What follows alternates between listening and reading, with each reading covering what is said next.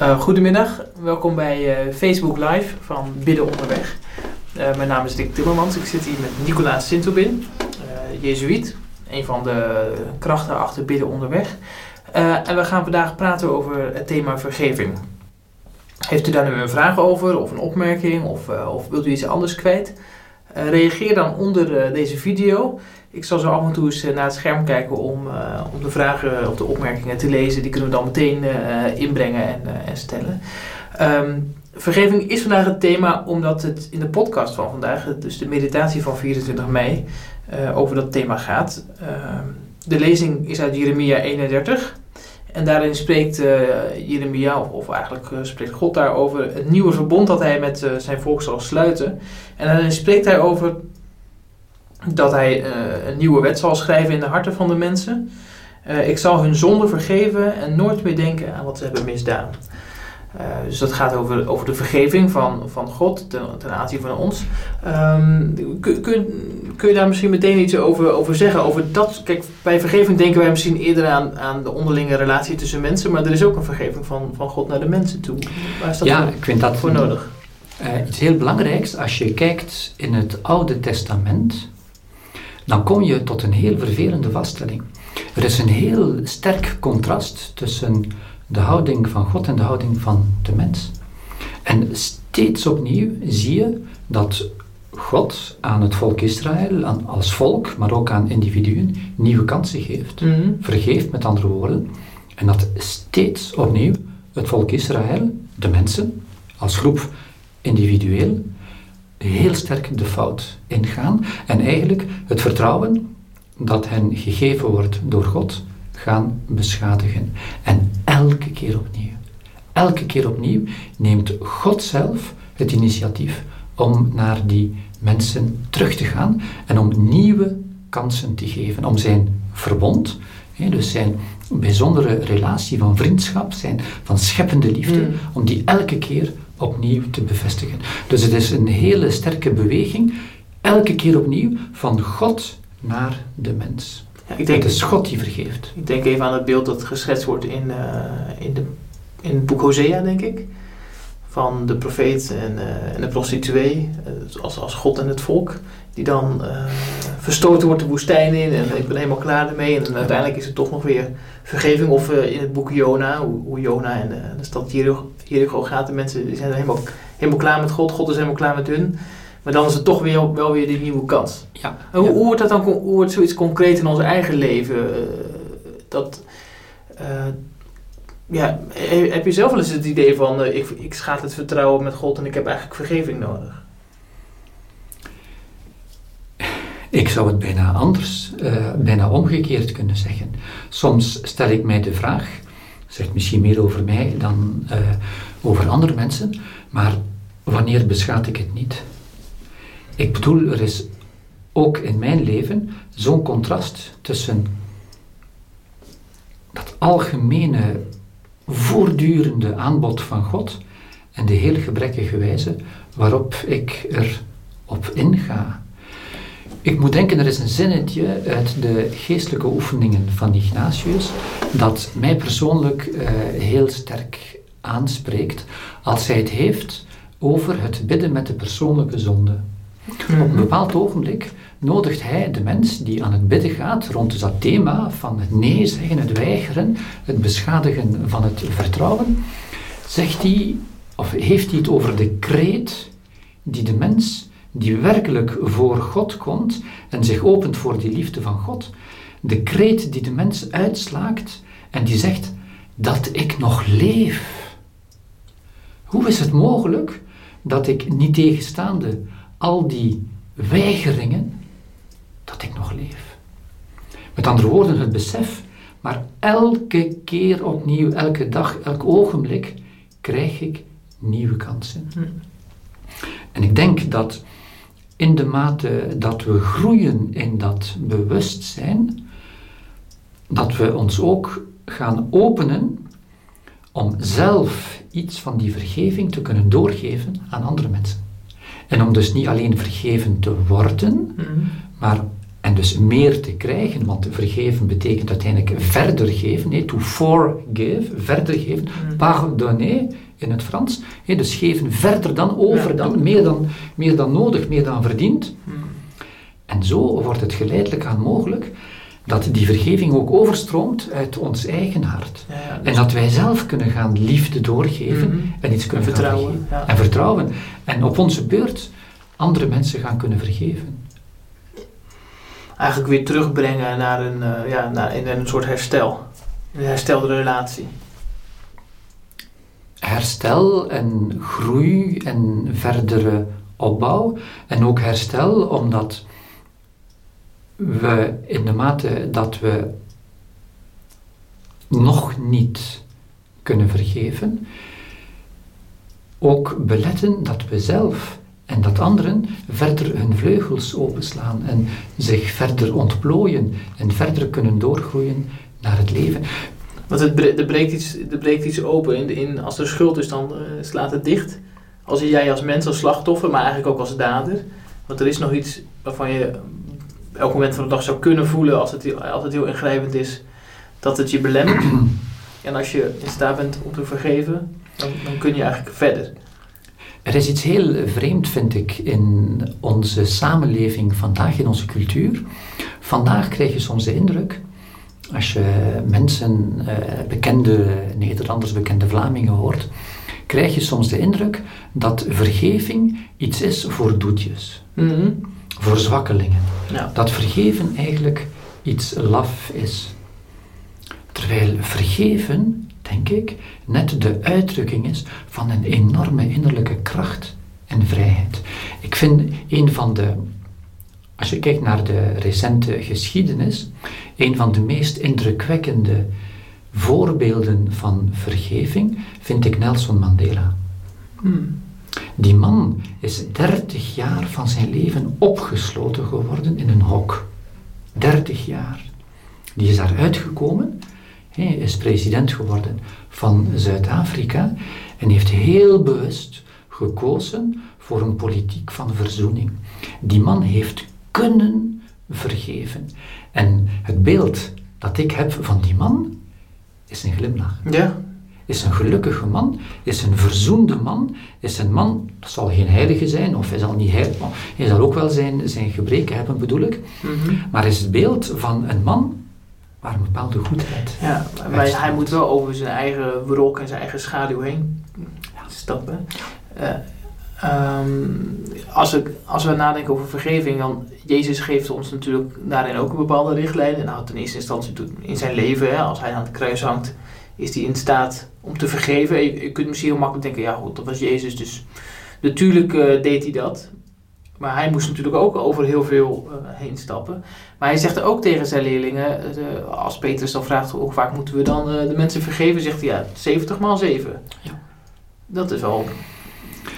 En dat kan lijken, hé, dus, het kan lijken op een gebod, je moet, Ja, Je moet. en, en niet één keer, maar je moet eigenlijk altijd vergeven. inderdaad. Maar ook een gebod waar je onder gebukt kunt gaan als Ja. je geconfronteerd wordt met. Uiteindelijk is dat niet meer dan een toepassing van het eerste gebod. Eh, God beminnen en uw naaste zoals uzelf. Dat is een gebod, stel je voor. Je bent verplicht, gebod is eigenlijk een aanbeveling, iets is een, richt, een richtingwijzer. Dat betekent dat hoe meer je het kan, hoe meer het je gegeven wordt, hoe meer je ook toelaat dat het gebeurt doorheen jou, hoe meer je mens wordt. We mogen niet vergeten dat het niet kunnen vergeven uiteindelijk betekent dat de boosheid, soms de haat, verder blijft woekeren, in de eerste plaats in het hart van het slachtoffer, van diegene die het onrecht, het kwaad, het Mhm. lijden, Mhm. het onrecht heeft ondergaan. Ja. De eerste die baat heeft bij de vergeving, als ik het nu in die termen uitdruk, Mhm. is niet de dader van het onrecht, maar is wel het slachtoffer. Wa- Want hoe werkt dat dan? Hoe, hoe, hoe, hoe, hoe kan dat dan bevrijdend zijn? Heb je misschien voorbeelden daarvan? Ik zou een, een, een heel een klassieke voorstelling daarvan is de mens die door het leven loopt met een zware ketting aan zijn been en aan het eind van, dat, van die ketting een hele zware steen. Mhm. Je sleept een heel zwaar gewicht met je mee, waar je ook gaat, 24 uur op 24. Die boosheid in het bijzonder, die haat die het vaak wordt. En als je kan vergeven, dan betekent dat eigenlijk dat je met een grote snoeischaar, als het ware, die ketting kan doorbreken. En dat je iets achter je kan laten en dat een nieuwe, een vorm van nieuw leven zich voor jou opent. Dat is, de, dat is de theorie en ik denk dat het ook, het zal, ook, het zal kloppen. Alleen als je, er is jou iets aangedaan, hè, je vriend of je, je man of wie dan ook heeft je verlaten of bedrogen of uh, er zijn dingen in je jeugd gebeurd waar je nog steeds onder gebukt gaat. Dan lees je dat Jezus zegt, je moet, ja, je moet vergeven, 70 maal 7. En dat je denkt, ja, ik ben, ik ben gelovig, ik, ben, ik, ik, wil graag uh, serieus nemen wat daar staat. Maar dit gaat me toch een stap te ver. Ik kan dit niet vergeven. Wat, wat zijn stappen? Hoe zou je dat, ofwel die zwaarte ervan afhalen dat het moet, ja. Uh, of wat zijn stappen die je zou kunnen nemen om, om tot vergeving te komen? Ik denk dat een belangrijke stap het volgende kan zijn. De meeste mensen, mezelf in kluis, verlangen om te vergeven. Mm -hmm. Ze zeggen het is moeilijk, het doet pijn, uh, weet ik veel. Het is moeilijk en dat is duidelijk, het is moeilijk, maar ik zou graag kunnen vergeven. Ik kan het niet, maar ik zou het graag doen. Wel, ik denk een heel belangrijke stap kan zijn om het aan te durven, om ervoor te kiezen, om in je gebed als christen te vragen aan God om te mogen vergeven. Dat Hij je toont dat Hij het mogelijk maakt in jouw leven dat je geleidelijk aan komt tot vergeving. En als je die vraag stelt, dan gaat die beantwoord worden. Hm. En dan gaat die in, misschien niet onmiddellijk, het is altijd vragen, maar dat vraagt dan wel dat je echt verlangt om te vergeven. En heel vaak verlangen mensen nog niet echt om te vergeven, of liever, ze hebben enkel nog maar een verlangen om te verlangen om te vergeven. Ja. Het zou goed zijn, Ja. Mocht ik verlangen om te vergeven. Wel, dat kan je ook reeds in je gebed naar voren brengen. Want een verlangen om te verlangen is reeds een verlangen. En, En dat je is de eerste stap. En je moet wachten misschien ook op het moment waarop het verlangen... Je kunt het ook niet het geforceerd doen waarschijnlijk. Het is geen wilsbeslissing. Nee. Je kan niet beslissen om te vergeven, denk ik althans. Ik kan dat in elk Je geval kunt niet. alleen wel beslissen om eraan te gaan werken. Je ervoor open te stellen. Je de vraag te, de vraag te openstellen, stellen. openstellen. En op een bepaald ogenblik kan je dan merken, en zo gaat het heel vaak, hé, hey, er is iets veranderd. Hé, hey, eigenlijk, ik heb die persoon Mm. kunnen vergeven. En dat gebeurt niet op een bepaald moment plots. Nee, nee, nee. Omdat oké, ik ervoor gekozen heb. Ja. Het enige wat ik kan doen, denk ik, is mij proberen ervoor te openen. Ja. Want uiteindelijk Dus het hoeft ook niet per se een moment te zijn waarvan je zegt, ik vergeef het je. Je hoeft het ook niet per se uit te spreken te- tegen die persoon. Het kan iets zijn waarvan je merkt, hé, hey, dat langzaamaan in mijn leven is dat. Ik zou bijna zeggen, gelukkig maar. Want soms is het helemaal niet mogelijk om het uit te spreken tegenover de dader, Ja. omdat hij gestorven is. Of omdat hij niet wil, omdat hij helemaal geen spijt heeft en helemaal niet om vergeving vraagt. En dan, dan sta je daar. Dus mocht het persoonlijke contact, mocht het vragen om vergeving, mocht dat een voorwaarde zijn om vergeven, vergeving te kunnen schenken, zou dat voor veel mensen niet mogelijk zijn. Ja. Want je kan werkelijk nog heel veel boosheid hebben ten aanzien van iemand die reeds gestorven is. Met andere woorden, vergeving is in de Ja, eerste plaats iets wat gebeurt in de intimiteit Mhm. van jouw hart. En als natuurlijk de dader, diegene die in de fout gegaan is, jou om vergeving vraagt, dat maakt de zaak makkelijker. Niet noodzakelijk makkelijk op zich, maar Nee, een nee, stuk Ja. makkelijker, maar vaak gebeurt dat niet. Dat betekent met andere woorden dat je als slachtoffer, tussen aanhalingstekens, niet de gijzelaar bent van de goodwill van de dader. De vergeving komt in de eerste plaats uit je eigen hart. Hm. En andersom, hè, als je dader bent, eh, wij zijn ook allemaal, allemaal daders. Eh, en je hebt het gevoel, er is iets misgelopen en ik moet eigenlijk vergeving vragen. Ehm, dan moet je dan waarschijnlijk ook voorzichtig mee zijn. Want degene die is er misschien helemaal niet klaar voor. Mag je dan nog een keer op zo'n slachtoffer toestappen om te zeggen: Goh, ik heb het bij jou gedaan, ik voel me er niet zo lekker over. Uh, hoe ga je daar nou mee om? Hoe doe je dat op een goede manier? Ik denk dat daar geen algemeen antwoord uh, op te geven is. Wat uh, zeker is, is dat het uiten op een aangepaste manier binnen die relatie of niet-relatie, want dat kan het ook zijn,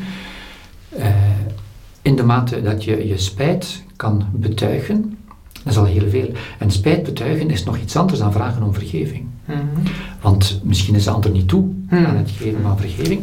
Als je al gewoon in alle nederigheid kan zeggen, mea culpa, ik ben in de fout gegaan en het spijt me. Ja. En misschien kan er dan van de, ja. misschien is de ander eraan toe om jou vergeving te schenken, of in een dynamiek te komen, ja. zich geleidelijk aan te openen voor uh, die vergeving. Wat ik heel interessant vind, is dat er in de oude christelijke traditie, het is pas laat gekomen in de 11e eeuw, na meer dan tien eeuwen christendom, is de idee ontstaan dat er wel eens iets zou kunnen bestaan als het vage vuur. Mm. Dat klinkt heel vreemd vandaag, vage vuur. Eh, wat is dat dan? Is het dan zo'n soort van voorstraf, waar je wat moet, uh, niet echt branden, maar toch flink uh, pijn moet lijden vooraleer je naar de hemel kan gaan? En dus echt helemaal de vergeving mm-hmm. kunt ontvangen van God? Nee, de idee van vage vuur gaat eigenlijk over de geleidelijkheid van de vergeving. De geleidelijkheid van de uitzuivering van de zonde. Christenen geloven dat onze God ten gronde een God is van vergeving, -hmm. die vraagt, die verlangt om alle mensen vergeving te kunnen schenken. Maar die vergeving, of het schenken en het ontvangen van die vergeving, dat is niet zoiets als even in de wasmachine stoppen, nee. op uh, een goed programma uh, kiezen en dan kom je daar uh, mooi witgewassen terug uit. Daar is tijd voor nodig. En, en is er, er is ook tijd om tot berouw te komen? Om ook te, om, zien, te zien waarvoor je vergeving nodig ja, hebt? Ja, inderdaad. Tijd om tot berouw te komen. En berouw betekent, heeft een dubbele inhoud. Berouw betekent, ja, ik ben in de fout gegaan. Het erkennen van de fout.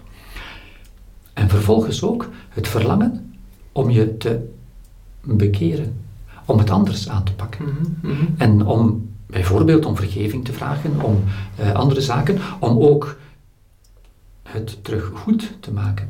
Dus uh, handelingen stellen, daden stellen in woord en in daad, om in de mate van het mogelijke terug goed te hey, Bijvoorbeeld, het volstaat niet, ik heb jou uh, bestolen op een onwaarschijnlijke manier. Wil je mij om vergeving vragen, maar mijn bankrekening is wel lekker gevuld met jouw geld. Maar sorry, ja, dat is nu gebeurd, dat is spijtig, dat is echt heel dom. Mm. Maar het geld staat, nee, nee, dat geld moet teruggegeven worden. Mm. Ik wil het, je moet het terug goed maken.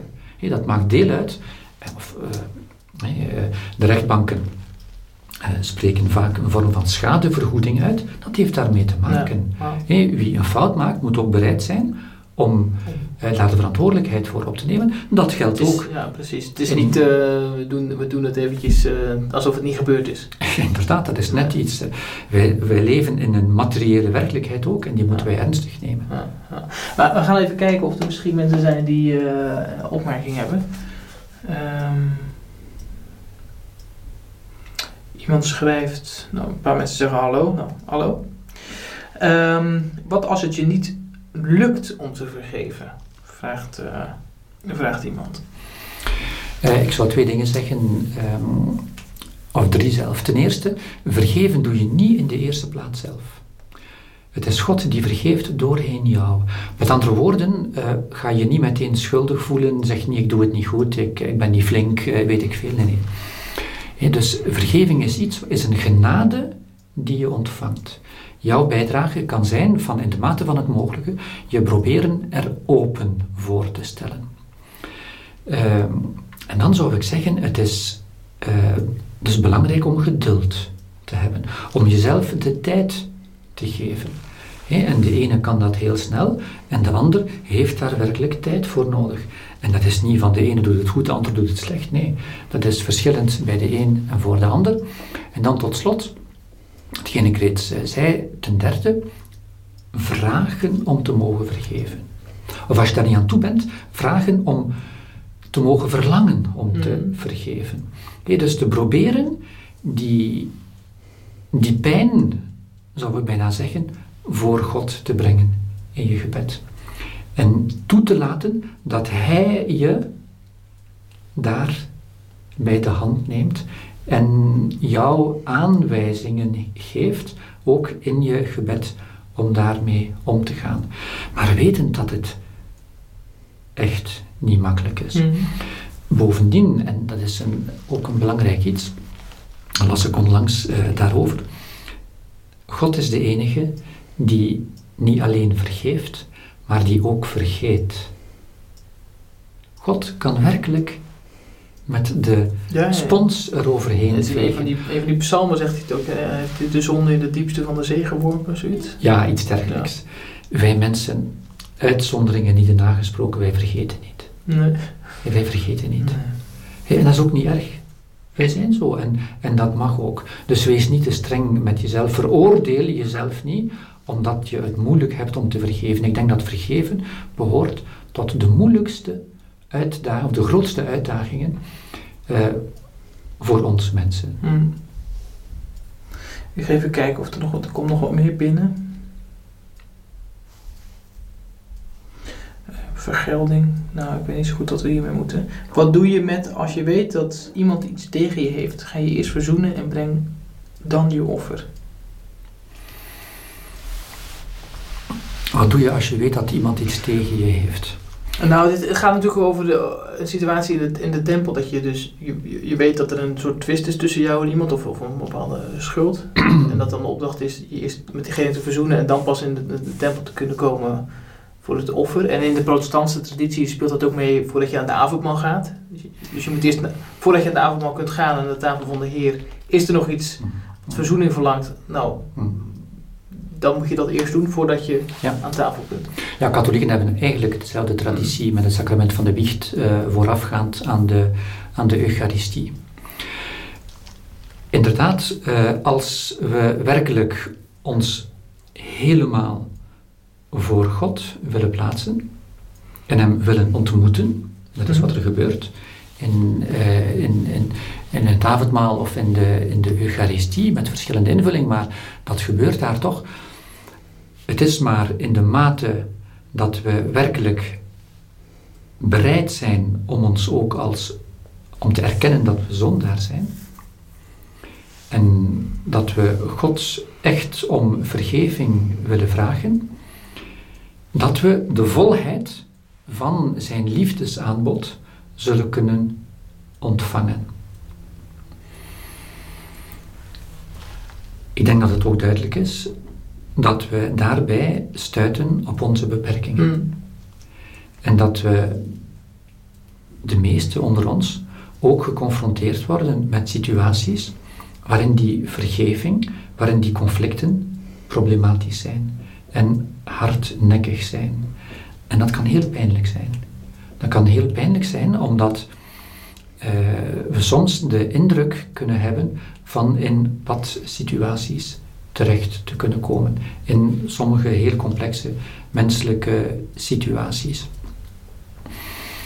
Dus dan denk ik dat het belangrijk is dat ons dat niet belet om toch steeds elke keer, niet tegenstaande dat we weten dat we aan bepaalde elementen van de wet, van de regel, niet kunnen beantwoorden, dat we, dat we niet vergeten dat de eerste wet van God, die is van de liefde en van de barmhartigheid.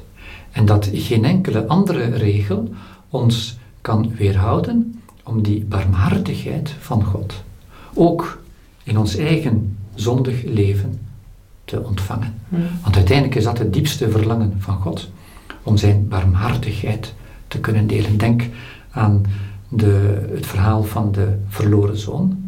Het enige grote verlangen van de vader is om de zoon in zijn armen te kunnen drukken. En niet om hem eerst de les te spellen. Ja, hij laat hem niet eens uitpraten. Hij laat hem... Hij pakt hem in zijn armen. Mhm. Hij pakt hem eerst in zijn armen. En daarna wordt er wel gesproken. Maar eerst wenst hij Mhm. eh, die verzoening. Er komt nog, nog een eh, vraag van Marleen. Ik blijf me schuldig voelen dat ik zelfs maar durf denken dat, mijn ouder, dat ik mijn ouders moet vergeven. Hoe mijn kindertijd en puberteit verlopen is. God alleen vergeeft, zegt u. Even een woordje daarover graag. Een echte worsteling. Persoonlijk uh, houd ik niet, zou ik niet spreken van moeten vergeven. Ik wens je toe, Marleen, dat je mag vergeven. Dat het jou gegeven wordt om te vergeven. En ik wens je toe dat het jou gegeven wordt om te mogen bidden om te kunnen vergeven. En eventueel om te, in je gebed te vragen, daar hebben we het net reeds over gehad, als je dat verlangen nog niet voelt, en dat kan echt zijn, dat kan echt zijn, en dat is, dat is heel menselijk, om te vragen, om te mogen verlangen, om te verlangen naar vergeving. En heel veel, ik herinner mij een, een, een oude wijze uh, man die me ooit zei, weet je Nicolaas, je hebt een leven lang nodig om je ouders te vergeven. Toen hij dat zei, keek ik op, leek mij een hele evenwichtige, wijze uh, man die helemaal niet meer weet ik veel wat. Een leven lang, uh, zei hij. was een hele sterke uitspraak. Die fundamentele relaties, kind, ouder, uh, broer, zus, broer, dus kinderen onderling, daar kan inderdaad heel wat verkeerd gelopen zijn. En dat gebeurt ook heel vaak. En toch durven in geloof hopen dat je niet veroordeeld bent om je leven lang met die heel negatieve gevoelens rond te lopen. God verlangt, God verlangt om ook aan jou die vergeving, of ook doorheen jou, die vergeving te laten gebeuren. Hopen, hopen dat vergeving mogelijk is, soms tegen beter weten in. Maar de wanhoop heeft, is eigenlijk, ja, eigenlijk mogen we niet, de wanhoop is een verzoeking, is een bekoring. Durven hopen tegen beter weten in soms. Ja, ik, ik denk ook dat als je dat zegt, 70 maal 7 maal moet je vergeven, dat het ook niet per se, dat het niet per se een gebod is, maar dat het ook een bepaalde belofte inhoudt. Dat als, als het je lukt om te vergeven, dat het de belofte is van een nieuw begin, van leven. Van... Het is meer een belofte, het is meer een wens. Het is uh, een uitspraak als van ja, het is mogelijk. Mm. Ja, het is mogelijk. Het kan ook aan jou gegeven ja, worden. Precies. De weg is misschien erg smal mm. en misschien denk je, ik kan het nooit. Jij kan het niet inderdaad, maar God kan het wel. Mm. En probeer, durf te hopen, durf te geloven dat het door jou heen ook kan gebeuren. En het vragen aan God daarvoor is denk ik echt niet zomaar een mooie vrome idee, maar is de weg bij uitstek om het mogelijk te maken.